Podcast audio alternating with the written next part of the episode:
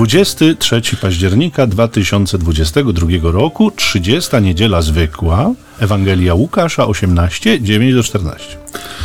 I po tym krótkim wstępie Bez... Niech będzie pochwalony Jezus Chrystus. na wieki wieków amen. Ojcze Macieju, Ojcze Michale, czy u ojca pogoda jest taka jak tutaj u nas? po mojej stronie biurka, tak, jest niesamowity weather. Proszę Państwa, y, między nami homiletami, czyli ćwierć tony sambony. Tak, krotochwilna audycja religijna w Radiu Niepokalanów, cykliczna dodajmy. Liczna. Witają się z Państwem ojciec Michał Nowak, franciszkanin. I ojciec Maciej Baron, werbista. Nie bez przyczyny o tę pogodę pytamy, bo my jesteśmy w październiku jeszcze. Państwo też nas słyszą w październiku, ale nieco później. No i mamy tę bombę ciepła zapowiadaną nam przez meteorologów, synoptyków, magików. I dzisiaj rzeczywiście no niemal 20 stopni na niepokalanowskiej ziemi, więc jesteśmy mocno oszołomieni. Wyjechaliśmy rano, już było pewnie 14 albo 15. U mnie było tak 14 się skoroświt. Otóż to, więc jesteśmy tacy, rzeczywiście mamy takie wrażenie, że jesteśmy znów w czasie letnim. Czujemy się jak te muchy w grudniu między szybami okien Tak uwięzione, pobzykując sobie tutaj do Tak. mikrofonów. Więc y, zamierzamy dzisiaj tutaj, y, no może nie pobzykiwać, ale y, omawiać Państwem i dla Państwa, właśnie bardziej chyba dla Państwa, bo jakiś ten udział naszych słuchaczy y, nie bardzo możliwy z racji na to, że te audycje są nagrywane, to Państwo wiedzą, ale gdyby ktoś nie wiedział, no to już wie. No ni niestety nie jesteśmy w stanie być tu co tydzień, ale y, y, zawsze z ufnością i nadzieją, że Państwo tam jednak po, po drugiej stronie radioodbiorników jesteście, albo jakich inny, in, jakichś innych nośników, z których nas słuchacie. Więc dzisiaj niedzielna Ewangelia, której zawsze poświęcony jest nasz program, nasza audycja, y, pochodzi z wersji Łukaszowej z y, 18 rozdziału tejże Ewangelii y, z wersety od 9 do 14 i pozwolę sobie rozpocząć tę naszą audycję odczytaniem Ewangelii, co da mi tę przewagę, że pierwszą myśl wprowadzi ojciec To będzie myśl. Maciej. To będzie myśl Lub dnia. dwukropek. Niech się Państwo dobrze wsłuchają i skupią na tej myśli, bo ona zaważy na całej naszej audycji. Szyderco. Jezus opowiedział niektórym, co dufni byli w siebie, że są sprawiedliwi, a innymi gardzili, tę przypowieść. Dwóch ludzi przyszło do świątyni, żeby się modlić. Jeden faryzeusz, a drugi celnik. Faryzeusz stanął i tak w duszy się modlił. Boże, dziękuję Ci, że nie jestem jak inni ludzie. Zdziercy, niesprawiedliwi, cudzołożnicy, albo jak i ten celnik. Zachowuję post dwa razy w tygodniu, daję dziesięcinę ze wszystkiego, co nabywam. A celnik stał z daleka i nie śmiał nawet oczu wznieść ku niebu, lecz bił się w piersi, mówiąc: Boże, miej litość dla mnie grzesznika. Powiadam wam, ten odszedł do domu usprawiedliwiony, nie tamten. Każdy bowiem, kto się wywyższa, będzie poniżony, a kto się uniża, będzie wywyższony. Czy aby na pewno? No, skoro pan tak mówi, To jeszcze nie jest ta pierwsza myśl, o której mówił ojciec to Michał. był przy- myśl prze- przedwstępna. To była myśl przedwstępna, tak. Ja sobie przejrzałem i przesłuchałem tak po troszku nasze archiwum przebogate, O, e, ponieważ ta Ewangelia już się przewinęła dwakroć niewątpliwie.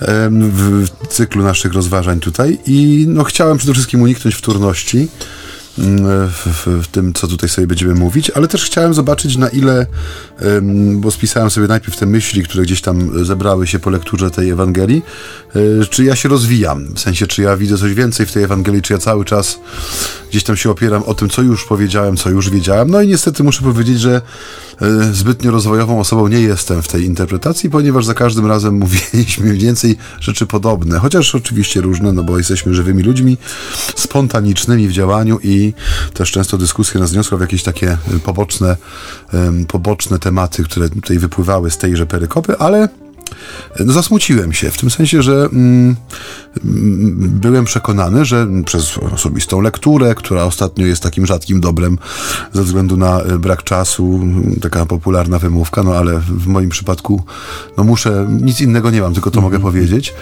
To jest raz, a dwa... E, przypowieści, które y, co jakiś czas tutaj trafiają na nasz stół, no mają to do siebie, że no można y, interpretować je dwojako.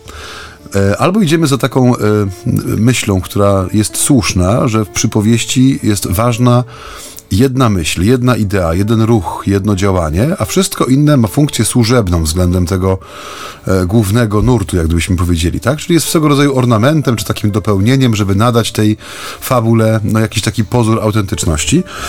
Można też iść drogą, która też nie była mm, jak gdyby odosobniona, e, odosobnioną ścieżką w kościelnej tradycji biblijnej, mianowicie mm, wybrać sobie jakiś fragment, jakiś element, jakiś ornament chociażby nawet takiej przypowieści i mm, zobaczyć jak gdyby w tym ziarenku, e, które się oderwało, y, no, jakąś pomoc dla czytającego, jakieś, y, jakąś myśl, która go porwie, e, jakiś taki mały e, kamień, na którym się nie tyle można potknąć, ile można się na nim oprzeć. Coś, co da mi jakiś e, początek do refleksji. Rzeczywiście można wtedy sobie rozbierać takie przypowieści na wiele, wiele, wiele porcji, które starczą na długo. I y, po tym przydługim wstępie yy, Pierwsza myśl moja tym razem, kiedy wziąłem się do, do lektury tego słowa, była taka, że e, jest to przypowieść o tym, że nie ma ludzi idealnych, nie? W tym sensie, że um, kiedy, no już wiemy oczywiście, że między faryzeuszem a celnikiem była przepaść taka społeczna, kulturowa, e, także jak widzimy religijna, znaczy faryzeusz uważał celnika no, za jednego z tych, których wymienia, dziękując Bogu, że nie jest taki jak oni, więc to już pokazuje ten dystans, który jest nie tylko takim teoretycznym, bo kiedy wymienia tam zdzierców, oszczerców i innych, no to można powiedzieć, że buja w obłokach, a nagle jego oko spoczywa na człowieku, który jest blisko niego i on także znajduje się jak gdyby w tym zbiorze osób e, wyklętych, wyrzuconych, wypchniętych poza, nawias. Więc to jest oczywiste, że między tymi dwoma ludźmi, e, e, patrząc z tej perspektywy narratora przypowieści, jest przepaść. Nie? Oni reprezentują dwa różne światy, które w, w tej żydowskiej rzeczywistości no, rzadko się spotykały, nie? A tutaj się spotykają. To jest właśnie to ciekawe, nie? że jak gdyby świątynia doprowadza do momentu spotkania galaktyk, które są odległe od siebie o lata świetlne. Ale kiedy przeczytałem tekst do końca, raz i drugi, taką myślą, która nie chciała mnie opuścić, jest właśnie to, że to jest przypowieść o tym, że nie ma ludzi idealnych, nie? że tutaj na Ziemi e, ta, ten ideał, jakkolwiek byśmy go rozumieli, jest nieosiągalny i niedoskonałość, która jest wpisana w ludzką naturę, nie tylko ze względu, e, powiedzmy, czy inaczej, nie tylko z perspektywy grzechu pierworodnego, ale po prostu ta słabość człowieka, który wynika z tego, no, że jest stworzeniem, nie? Jest, jest czymś, co podlega prawom fizyki, e, co podlega prawom czasu, jest śmiertelne, prawda? I mierzy się z tą śmiertelnością, ma ograniczony zasób sił, nie jest doskonały, nie jest samowystarczalnym bytem, który, nie wiem, jaśnieje na nieboskłonie, ale jest czymś, co przemija, co jest słabe. I mamy dwa, dwa przykłady tej niedoskonałości.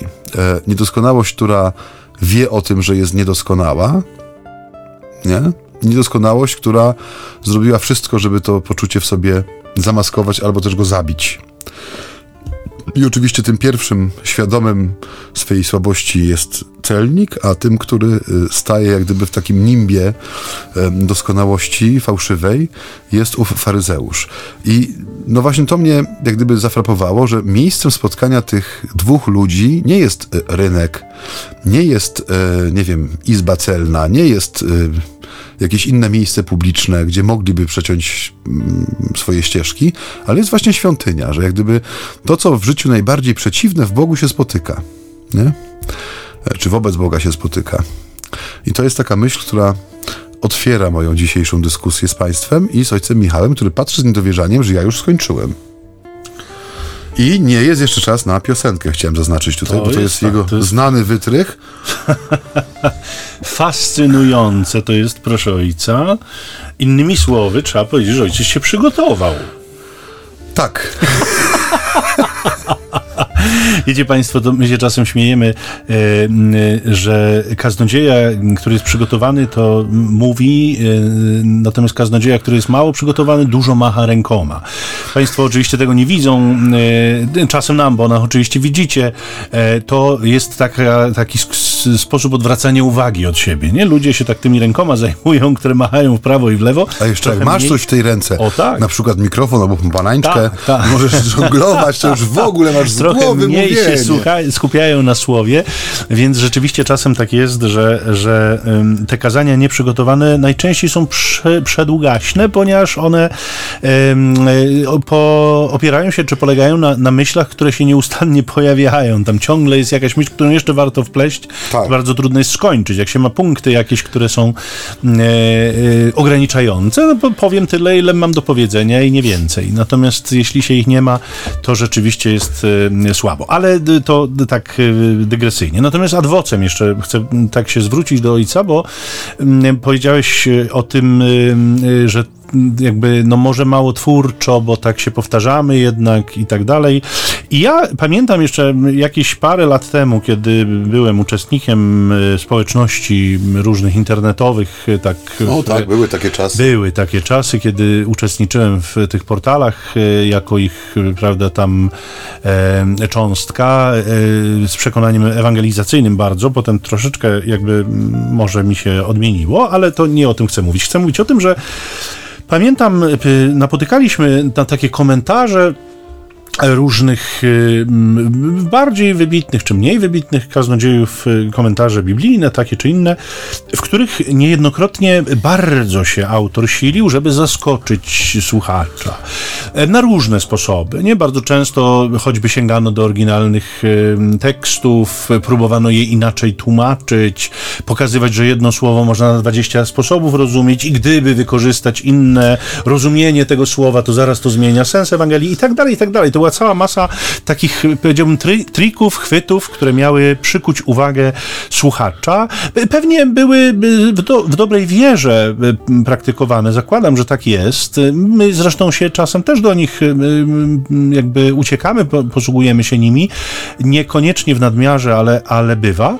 Natomiast one miały pobudzić nie? słuchacza, zakładam, do tego, żeby pomyślał, żeby sam się skupił, żeby mu dać jakiś, jakiś e, m, też impuls do tego, że może w jakąś stronę go tam Duch Święty w jego osobistej medytacji poprowadzi. Ale pamiętam komentarz jednej kobiety, jak dziś pamiętam, młodej kobiety, która wobec takiego różnego natłoku gdzieś pod, przy jednym komentarzu napisała, że a może, a może tak naprawdę chodzi o to, żeby właśnie przypominać to, co zostało powiedziane, nie? Żeby to jakby literalnie, to, co A, Jezus do- chciał powiedzieć. Do tego pijesz. Tak, że, że może nie, nie trzeba y, nieustannie silić się na to, żeby jakiś wow moment spowodować w, w słuchaczach, tylko może po prostu trzeba im cyklicznie przypomnieć o tym, co Pan Jezus chciał rzeczywiście powiedzieć, bo co do istoty, no to nie zmienimy tych perykop ewangelicznych. One, tak jak powiedziałeś, choćby na przykład dzisiaj jedną z takich treści niewątpliwych jest to, e, że nie ma ludzi mm, e, doskonałych, tak? Czy, czy w jakiś tam sposób e, takich e, w pełni ukształtowanych i, i, i no doskonałych, dobre słowo, nie ma co szukać innego. Więc e, ja jakby tylko do tego, że tak sobie pomyślałem, że może to też nie jest tak do końca złe, że pewne wątki oczywiście w jakiejś tam nowej odsłonie, no bo tak jak mówisz, jesteśmy ludźmi, jest nowa rzeczywistość, my jesteśmy w innym kontekście, więc to też ma wpływ na, na nasze przepowiadanie, ale, ale może to nie wcale nie jest takie głupie, żeby po prostu do tych rzeczy y, takich fundamentalnych się odwoływać. Ale ja y, przyznam szczerze, że zacząłem te y, y, y, perykopę mm, rozważać tak, jak to jakoś chyba zwykle robię, to zauważyłem to ostatnio, że jakoś bardzo mocno przyglądam się tym postaciom, które występują, nie? To znaczy próbuję sobie wyobrazić, próbuję zajrzeć do ich wnętrza, próbuję przyjrzeć się... Ojciec y, Michał Anatom. no, anatom może mniej, no może psychoanalityk bardziej, bo to raczej o takie wnętrza. A, myślałem, tak, że- tak, bo to takie wnętrza, powiedziałbym, an- anatomiczne to raczej standardowe. Rozumiem, wszyscy, ma, wszyscy rozumiem. Mają podobne, więc nie ma co tam oglądać specjalnie, ale, ale tak e, pojawiły się we mnie takie pytania około medytacyjne. Nie? Dlaczego na przykład duma z własnych osiągnięć tak często pociąga za sobą pogardę wobec innych? No, ciekawe. Dlaczego ludzie na jakimś etapie swojego życia zaczynają wierzyć, że wszystko, do czego doszli, zawdzięczają wyłącznie sobie? Nie mamy takich ludzi, znamy, myślę, że też masz takich ludzi, e, którzy jeśli o sobie mówią, to z pełnym przekonaniem, pełną dumą, że wszystko zawdzięczają sobie i nic od nikogo w życiu nie dostali. Nie? No biedacy, bo jakby zupełnie nie zdają sobie sprawy z tego, jak wiele dostali. Ale idąc dalej, dlaczego zaczynamy nosić w sobie takie przekonanie, że wyłącznie my posiadamy takie czy inne umiejętności, w związku z tym jesteśmy niezastępowani? To też się zdarza czasami w tym, w tym y, codziennym życiu. I y, próbując sobie na te pytania odpowiedzieć, pomyślałem, że rzeczywiście może jest tak dlatego, że od dumy, która skądinąd nie jest niczym groźnym, pewnie i złym, jest bardzo niewielki krok do pychy pychy, która izoluje tak naprawdę od reszty świata, dlatego że y, Pyszałkowi jest y, ten świat potrzebny wyłącznie do okazania jego pseudowielkości. I jeżeli tego nie czyni, ów świat, no to bywał odrzucany. Pyszałek to jest człowiek, który w centrum swojego życia postawił samego siebie i w związku z tym no, nie bardzo potrafi patrzeć na rzeczywistość inaczej, jak przez swój własny pryzmat. To moglibyśmy powiedzieć, że jest wprost niewolnikiem porównywania się z innymi, a na uwagę rzecz jasna zasługują wyłącznie ci, którzy w jego rozumieniu stają niżej od niego, i oni są ważni właściwie wyłącznie po to, żeby ten dystans mu przypominali, nie? że jest cała masa takich tam sobie nie? ludzi, którzy, którzy są nikim. Ci, którzy stoją wyżej od pyszałka, mm, są w czymś lepsi, no w najlepszym przypadku są ignorowani albo są traktowani jako śmiertelni wrogowie. Dlaczego? Dlatego, że stanowią konkurencję w korzystaniu z dymu kadzideł. Jakby inni pretendenci do okadzania, a kadzideł, pyszałek potrzebuje do życia niczym kania No i jakby zmierzam do tego, że taki przypadek pyszałka y, w tym wydaniu i rozumieniu, no mamy dzisiaj w Ewangelii, to już nie jest tajemnicą, y, o kim mówię, pyszałka, który przychodzi do świątyni chyba wyłącznie po to, żeby go ludzie widzieli. To znaczy, y, ten powód, on mi się jawi jako y, najprawdziwszy, choć nie wprost wyrażony oczywiście, ale dlatego y, o nim myślę, że nawet jeżeli faryze, faryzeusz ma na celu modlitwę, to absolutnie nie rozumie jej sensu i istoty. Nie? Dlatego, że co do istoty, w centrum modlitwy musi stać Bóg, co jest całkowicie sprzeczne z pyszałkowatą, mm, jakby z pyszałkowatym spojrzeniem na samego siebie, gdzie w centrum jestem ja. Nie? Nawet mhm. jeżeli się modlimy w swoich własnych sprawach, to jednak cała nasza uwaga winna być skoncentrowana na Bogu. Tymczasem faryzeusz jest mocno rozproszony. Jego uwaga na pewno nie jest skierowana na, na Boga tak, samego. Jego oczy skaczą, nie? No, najpierw skaczą gdzieś po tych niebieskich, powiedzmy, horyzontach, w sensie jest, jest jak powiedzmy jakiś początek modlitwy, bo jest to, że to ta wdzięczność Panu Bogu okazana, dziękuję Ci Boże, ale potem te oczy e, jak gdyby tracą, e, traci z oczu Y, Pana Boga, a zaczyna y, no, widzieć siebie w odbiciu, jak gdyby, nie? Czy on się przegląda w tych ludziach, którymi gardzi w jakiś sposób, albo inaczej czerpie siłę z tej pogardy, nie? Tak. No bo na czymś trzeba ją budować, znaczy inaczej, na czymś trzeba zbudować poczucie własnej wartości. Ono jest czymś jak najbardziej pozytywnym, ono nie ma nic wspólnego z pychą. Nawet nie ma nic wspólnego z dumą tak naprawdę, bo y, prawdziwa pokora zakłada poczucie własnej wartości. Ja mogę być pokorny, bo wiem, kim jestem. Nie potrzebuję ani tego, do czego nie dorastam, w sensie nie potrzebuję aspirować, by być lepszy lepszym, bo są lepsi ode mnie, tak? Ale też nie czuję się ostatnim, bo znam wartość mojej pracy, znam wartość mojego czasu, który wkładam w, nie wiem, w rozwój duchowy, w budowę relacji czy jakiejś doczesnej pomyślności. Mam mm, właściwą miarę tego, no i mm, oczywiście sam o sobie nie wiem, że jestem pokorny, ale taka postawa dla człowieka no, jest źródłem pokory, tak? No bo najczęściej, kiedy ktoś mówi o sobie, że jest pokorny, no to nie jest pokorny, nie? Jest skromny. A to jest chyba jakiś stereotyp, proszę. Myślisz? Mhm. E, I co chciałem powiedzieć, to co tu powiedziałeś, to jest bardzo e, trafne w tym sensie, że mm, kiedy patrzymy na, y, na faryzeusza i mm, spojrzymy sobie na celnika, tych ludzi pozornie dzieli wszystko, ale łączy ich oprócz tego, że spotkali się w świątyni jedno. Obydwaj są odprowadzeni spojrzeniami. Ja tak, ta, jak, y, idąc tym wątkiem, który ty mówisz, y, że starasz się wyobrazić sobie tą postać, zajrzeć do jej wnętrza.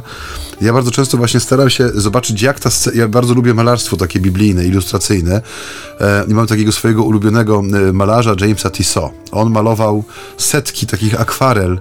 Bo rzecz Państwo słyszą, z jakim ja inteligentnym człowiekiem mam możliwość prowadzić tę audycję. Ja, ja po prostu jestem oszołomiony, bo ja w ogóle nie mam pojęcia, jak wymówić to nazwisko. Ja tak zegarek Tissot.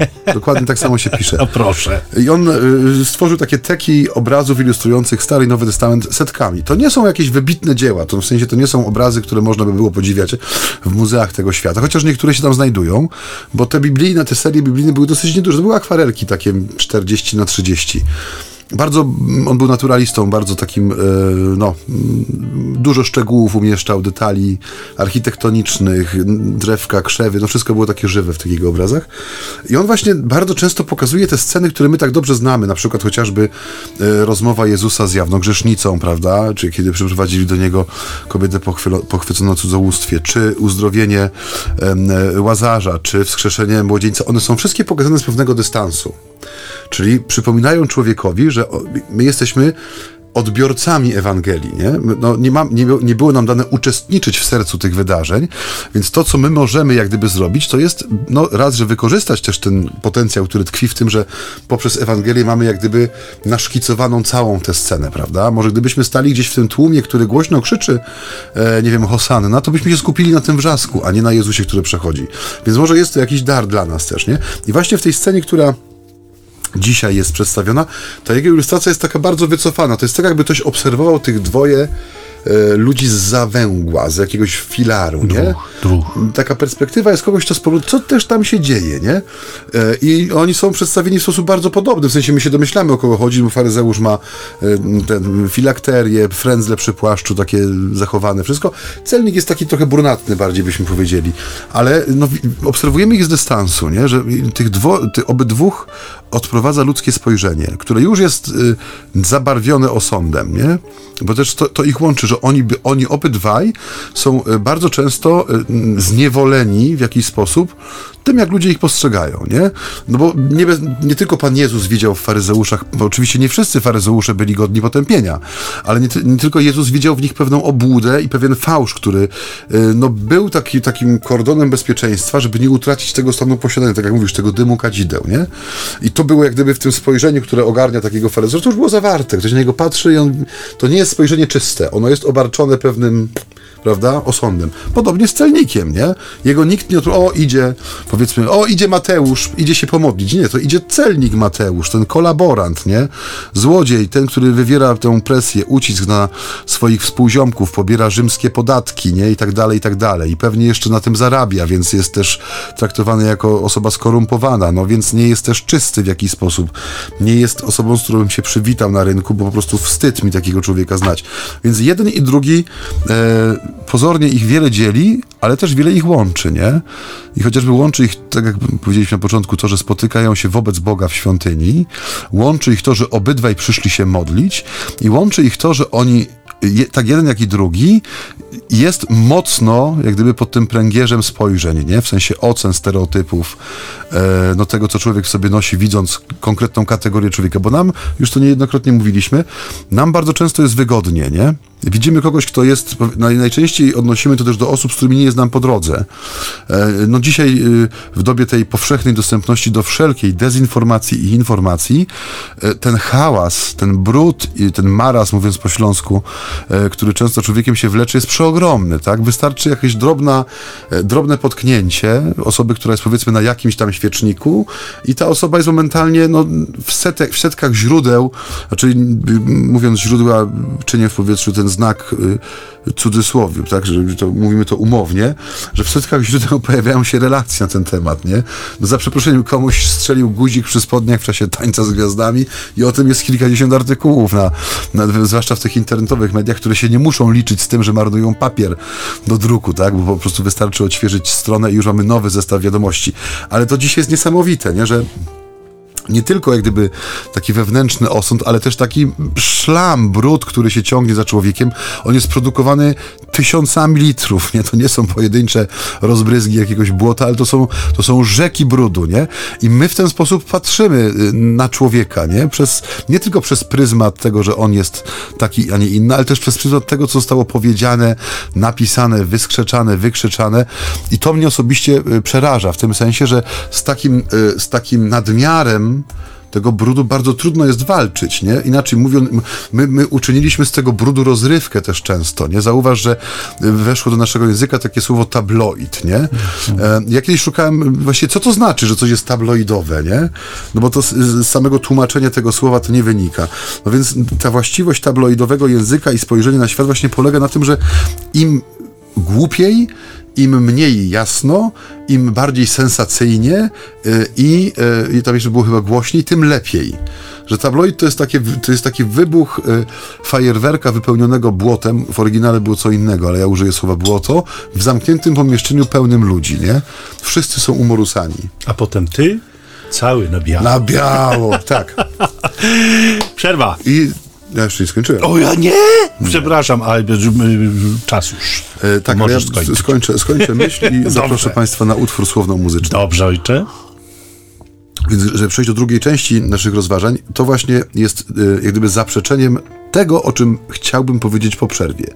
W sensie takie ujednolicenie wszystkich, um, um, umorusanie wszystkich w ten sam sposób, że jeżeli ktoś jest, to musi być coś na niego, nie? On musi mieć jakąś słabą stronę, on musi mieć jakiś grzech, on musi mieć jakieś swoje biaderko błota schowane skrzętnie, ale my je znajdziemy, nie? Tak dzisiaj działa świat, jak gdyby i w ten sposób chcę, byśmy patrzyli na siebie nawzajem, nie? I to jest coś, jak gdyby do czego kontrpropozycją jest Ewangelia. Jak Państwo widzą, nie dorwę się dzisiaj do mikrofonu. E, Ojciec Maciej przygotowany. Ojciec Michał obrazy, wyjął właśnie kłębek włóczki i robi czapkę na zimę na drutach. Obrazy, książki, filmy, tabloidy. No, człowiek, orkiestra, który po prostu y, bawi nas, uczy i broni. Szyderco ty. A teraz zapraszamy Państwa na chwilę muzyki.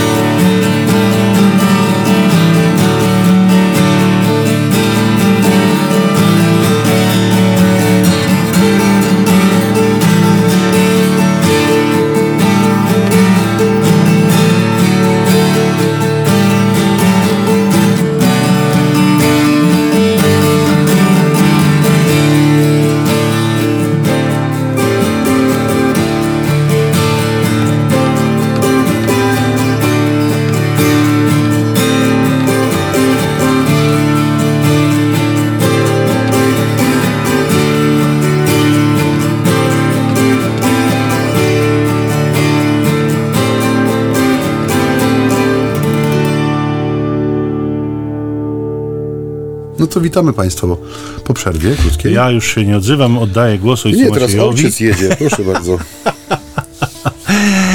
Nie, nie, zu, zupełnie poważnie już y, mówiąc, ten osąd, o którym Maciej y, wspominał przed y, przerwą, y, który tak niesłychanie bardzo mocno widać y, w tej Ewangelii, y, on też mnie bardzo zatrzymał jeszcze w kontekście jeszcze w kontekście jednej sprawy, o której za chwilę może, takiej z życia wziętej. Natomiast Natomiast kiedy patrzymy na, na tego modlącego się faryzeusza i wspominałem, że jest tak mocno rozproszony, to rzeczywiście jakby nie Bóg jest w jego głowie, ale jakby drugi człowiek. Nie? I to oczywiście drugi człowiek jako niżej stojący od niego.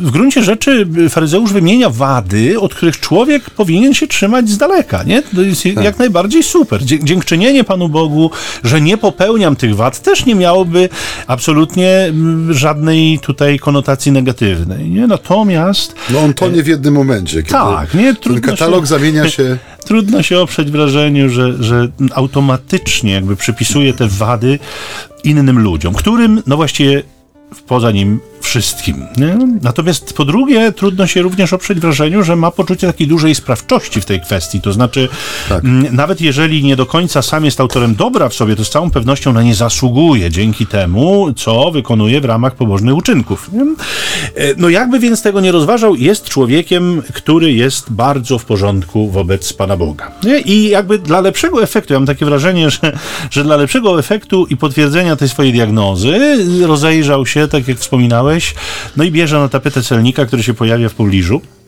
nie było trudno y, ich rozpoznać, a, a, jeszcze łatwiej było jakby określić ich grzechy.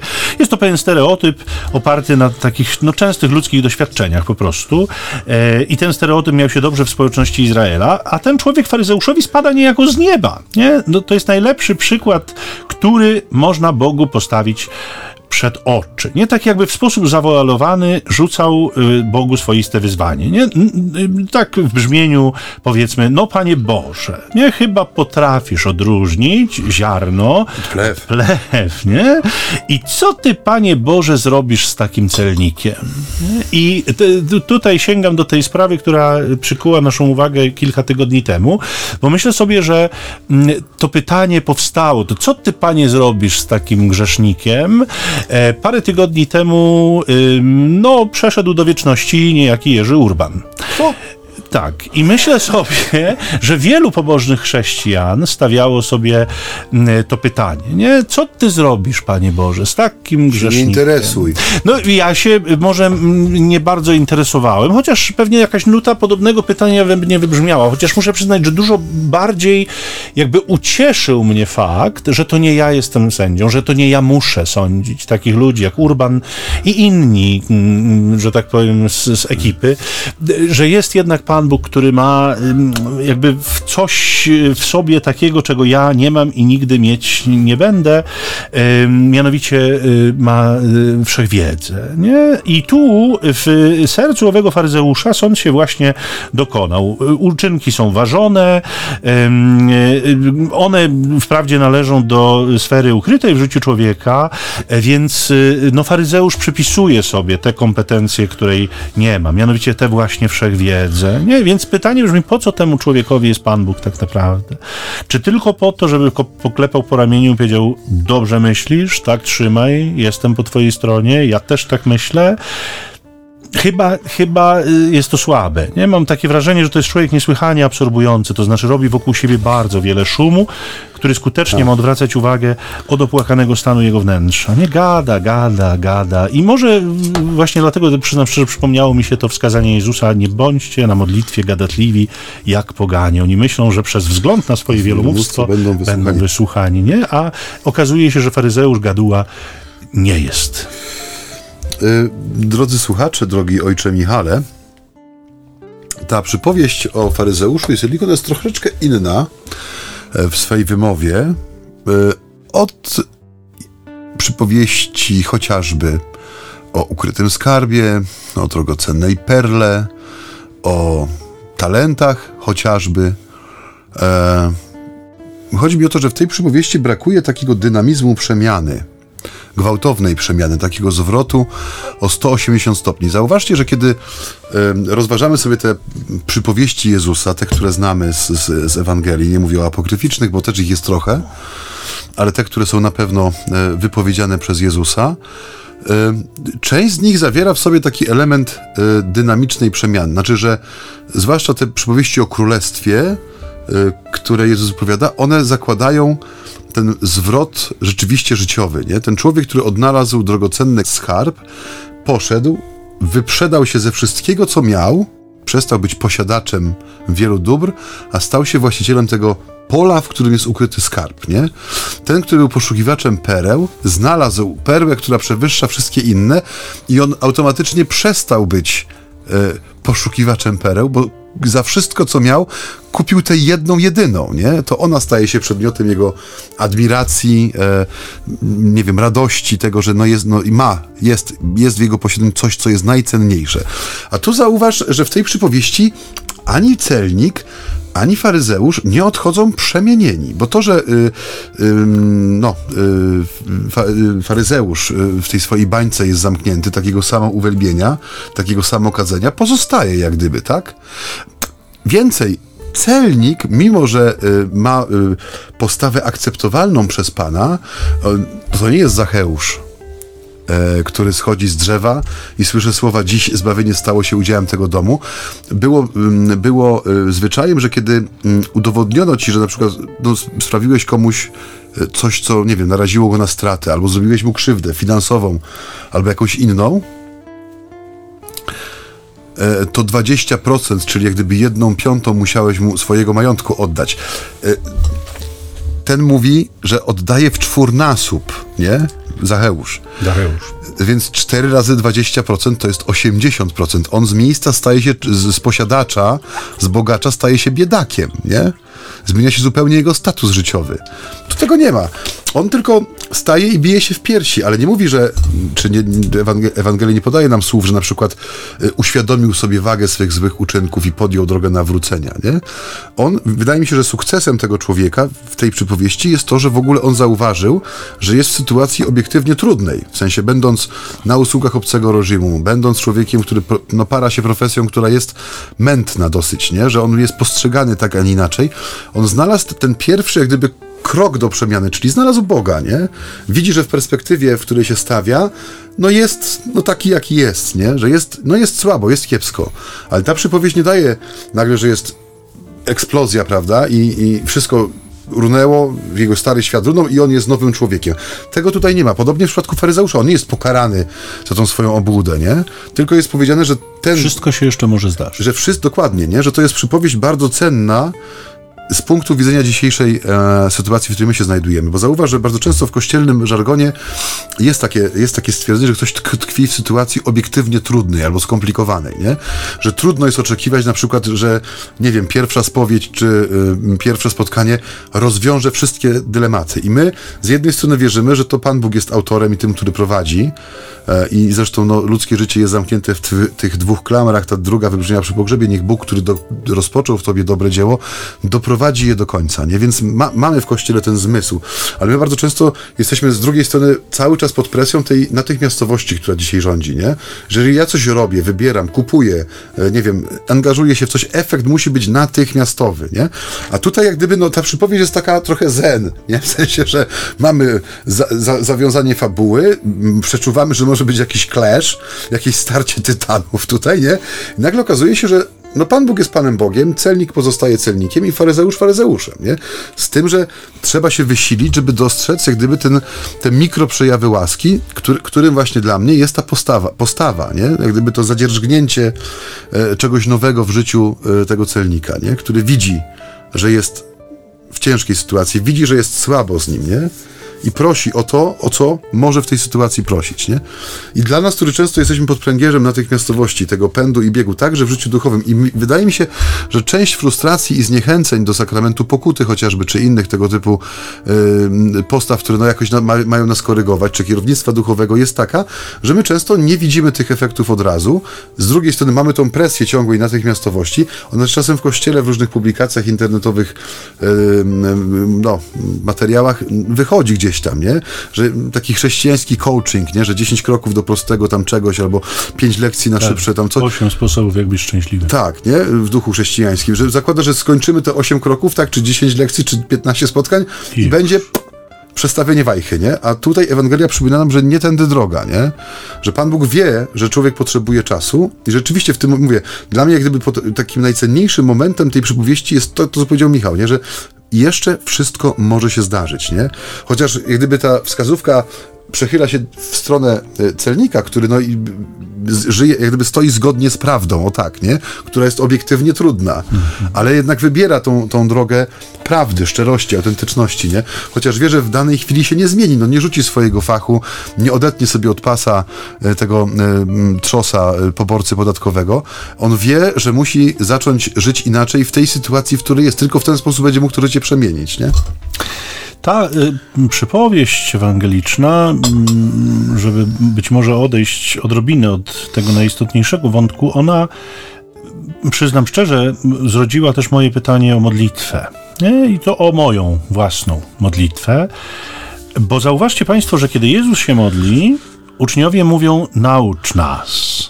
Więc y, y, to nam sugeruje, że ta płaszczyzna y, jest rozwojowa i też należy się uczyć. Nie? Uczyć modlitwy i przyznam szczerze, że czasem o tym mówię, na przykład kiedy prowadzę rekolekcje, najczęściej do grup zamkniętych albo do sióstr zakonnych, o, może tak najczęściej, mm, bo kiedy my zaczynamy życie zakonne, to mamy bardzo duże ambicje, jeśli chodzi o modlitwę, o naukę modlitwy. Y, na nowicjacie, czy tym pierwszym etapie, bardzo dużo na ten temat się mówi. Y, ja pamiętam, że nam pewnie z dwadzieścia parę sposobów rozmyślania, medytacji podano. Mam te zeszyty do dziś nowicjackie. Żadnego z nich oczywiście nie praktykuję, ale to też może w duchu e, wskazań. Co też ojciec mówi? Ale w duchu wskazań naszego ówczesnego wychowawcy, który mówił, że te są super, ale każdy z nas powinien wykształcić swój własny, nie? Więc wiem, że są, wiem, że były, ale y, zmierzam do tego, że ambicje są, nie? Mamy wtedy takie, że to, tego byśmy chcieli spróbować, tamtego, nie? Odnaleźć się gdzieś w tym świecie modlitwy. Potem nam te ambicje trochę jakby się nie wiem, słabną w nas, trochę się zmieniają może. Tak czy owak bywa, że rzeczywiście utykamy gdzieś tam na mieliźnie modlitewnej i nie idziemy z tym do przodu. I to w życiu świeckim oczywiście też nas może dotknąć, nie tylko do zakonników czy sióstr zakonnych dotyczy. Natomiast jeśli rzeczywiście możemy się uczyć modlitwy i powinniśmy się jej uczyć, no to czego uczy nas faryzeusz? Czego uczy nas ten człowiek? Bo przecież od każdego można zaczerpnąć, nie? I to mm, pamiętam z kolei jakąś inną wypowiedź mojego któregoś tam z wychowawców w seminarium, że od każdego się uczymy. Od, od jednych uczymy się tego, jakimi być, od innych uczymy się tego, jakim nie być. Nie? Więc y, y, myślę sobie, że ów faryzeusz jest swoistą przestrogą dla nas, żebyśmy się zanadto na tej naszej modlitwie nie rozpędzali. Nie? I to właśnie w tym kierunku takim rozwiązywania spraw, takiego widzenia rzeczy, które są wcale niewidzialne, jednoznacznego postrzegania rzeczywistości, które są bardzo skomplikowane i wieloznaczne, żebyśmy nie wchodzili w buty Pana Boga, nie? żebyśmy nie, nie, nie sięgali po te kompetencje, które nie tylko nie są w naszym posiadaniu, ale nigdy nie będą, bo nie mogą być, ponieważ przynależą tylko i wyłącznie Bogu. No i mamy tego drugiego, mamy celnika, o którym przyznam szczerze, że kiedy sobie rozważałem tę Ewangelię, to zapisałem sobie nawet tutaj taką notatkę, o którym nawet się nie chce gadać.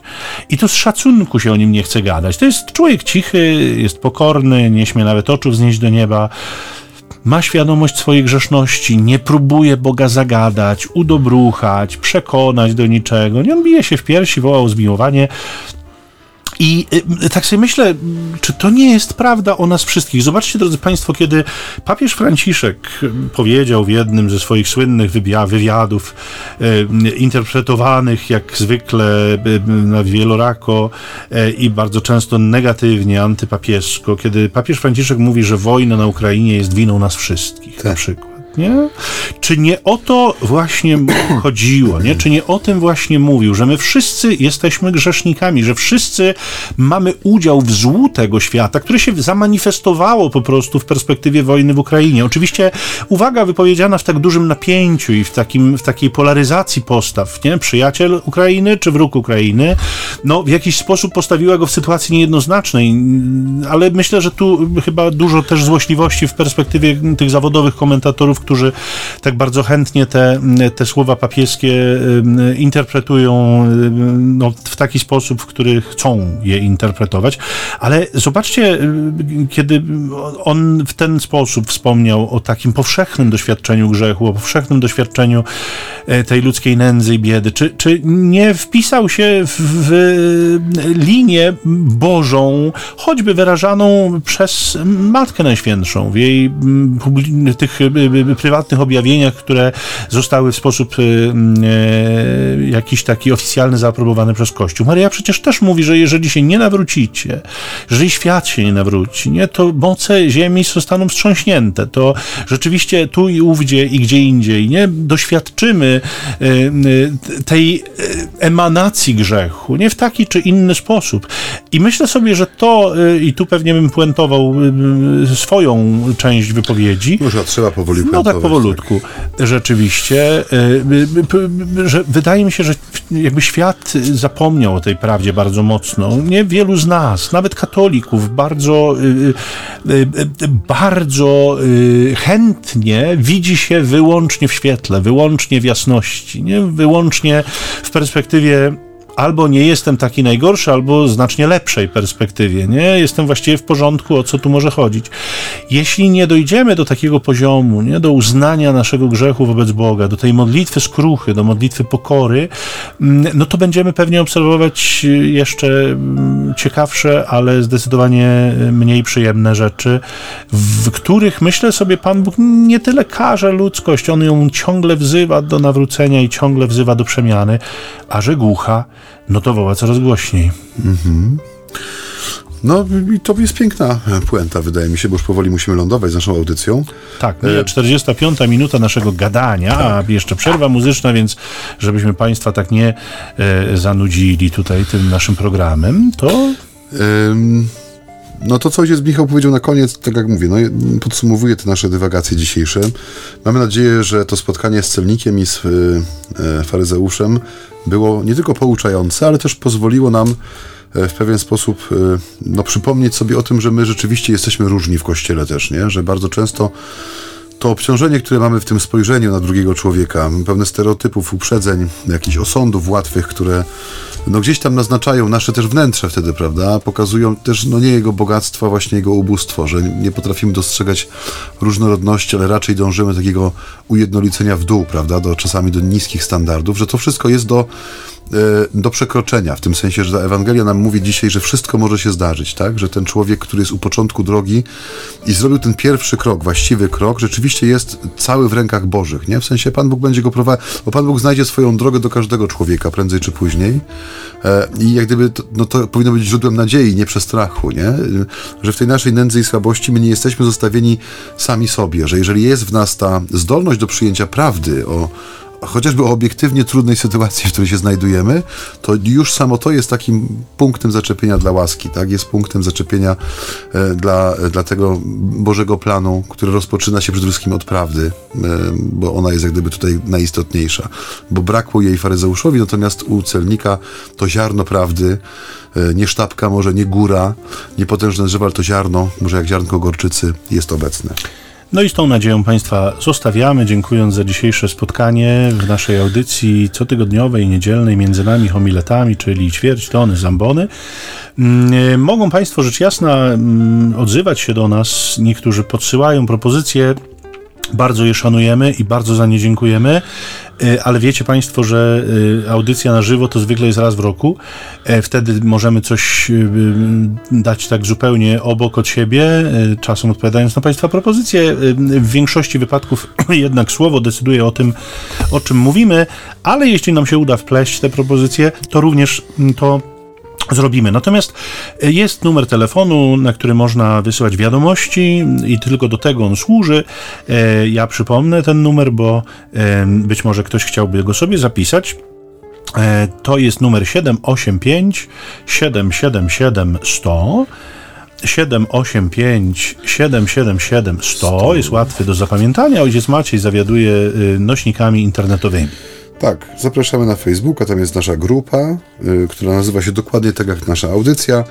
Y, już prawie 400 członków mamy. Także jest to, ona się cały czas się rozrasta, systematycznie, ale powoli.